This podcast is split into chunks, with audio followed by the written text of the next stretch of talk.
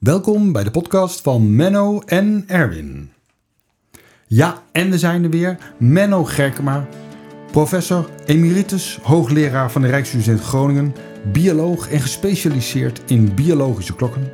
En mijn naam is Erwin Balkema, eigenaar van Bano. Ja, en ik stel uh, gewoon de vragen. Nou Menno, we zitten weer bij elkaar vandaag. Zo is die. Ja, en waar gaan we het deze keer over hebben? Nou, ik zit hier heel fris en monter. Dat komt omdat ik net weer gezwommen heb. Ah, lekker. In die prachtige plas van ons. Ja. En uh, ik, wou, ik wou het eigenlijk uh, gaan hebben over vogels die onder water verdwijnen. Oké. Okay. Um, ja, onder water verdwijnen? Ja, ik zie, ja, ik zie een vuut vaak. Ja, en ja. Die, die, zie je ineens dan niet meer. En nee, dan duikt je een nee. eindje verderop. Ja, hoe ik erop kwam, het, het was vandaag een beetje winderig. En uh, er stonden ook, ja. ook wat schuimkopjes op de golfjes zelf, zelfs hier. Mm -hmm. En toen realiseerde ik me ineens, hé, hey, ik zie helemaal geen visdieven. Nee. Want visdieven, dat zijn die hele elegante kleine meelachtige vogeltjes die over het water scheren en dan ineens erin duiken. Ja. En toen realiseerde ik me, oh nee, natuurlijk, dat heeft geen zin voor ze, want zij, zij maken echt duikvluchtjes in het, in het water. Ze storten zich in het water omdat ze vlak onder de oppervlakte een visje zien zwemmen en die pakken ah. ze. Oké. Okay. En als het dan te veel waait, dan, ja, dan in die golven dan kunnen ze dat helemaal niet zien. Ze hebben dus Maar- in feite een glad oppervlak nodig om, om goed te kunnen vis vangen. Ja, maar, hoe- maar hoe doen? Maar ze moeten toch eten? Ja, ja, dat zat ik me dus ook af te vragen. Volgens mij zitten dus nu overal zielige visdiefjes ergens in de boom te wachten.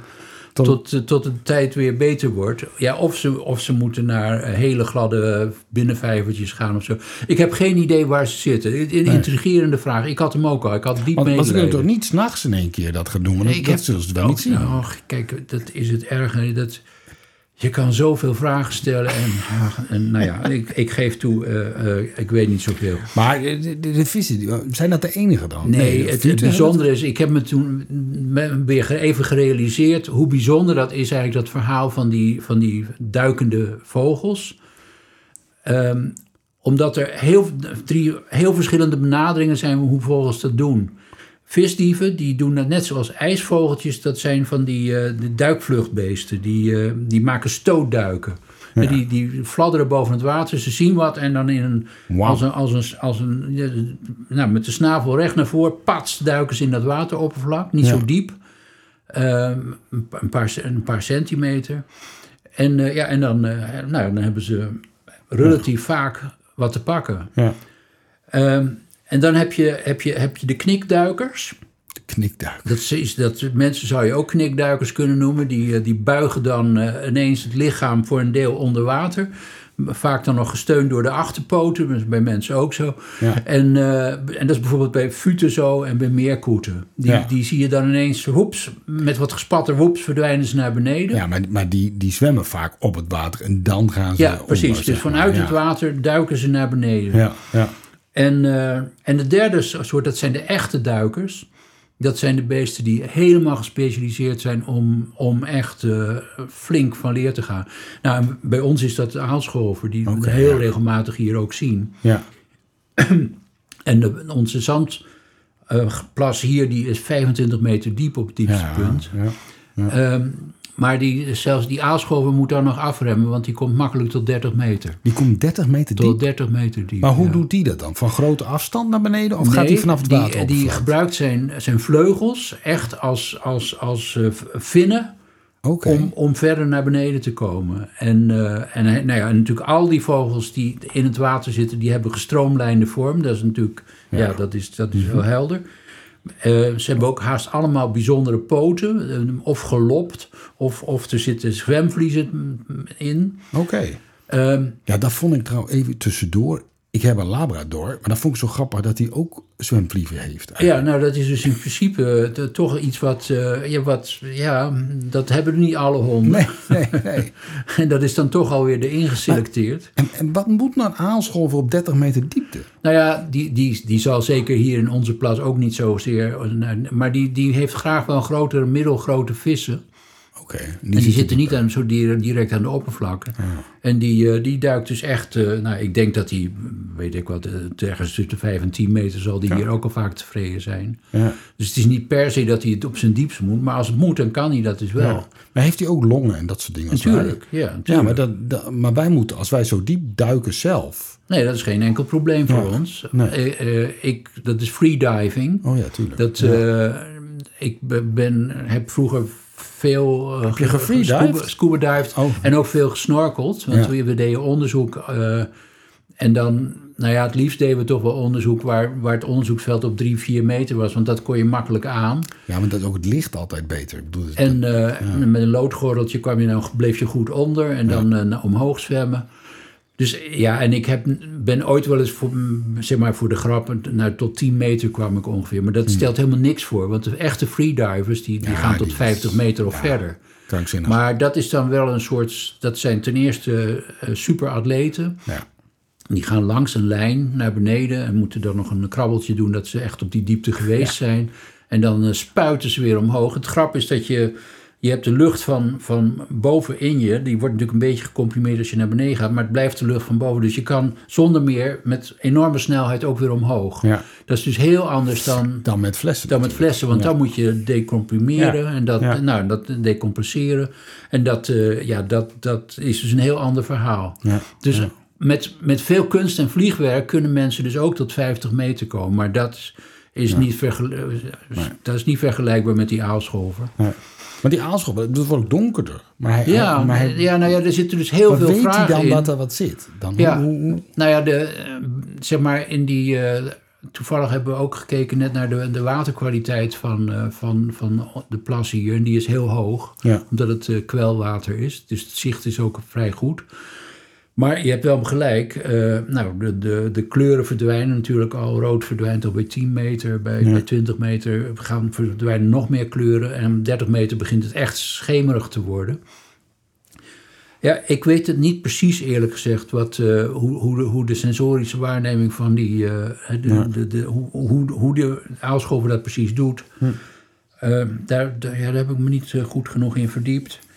Maar het is natuurlijk al heel bijzonder dat hij... eh, ehm, ja, dat het, dat het zo'n krachtpatser is. Ja. Dat is natuurlijk ook, eh, je ziet vaak die aalscholvers dan eh, later op, op, eh, aan, aan, op, op boeien of zo. En, en hier in de stad vaak op lantaarnpaals.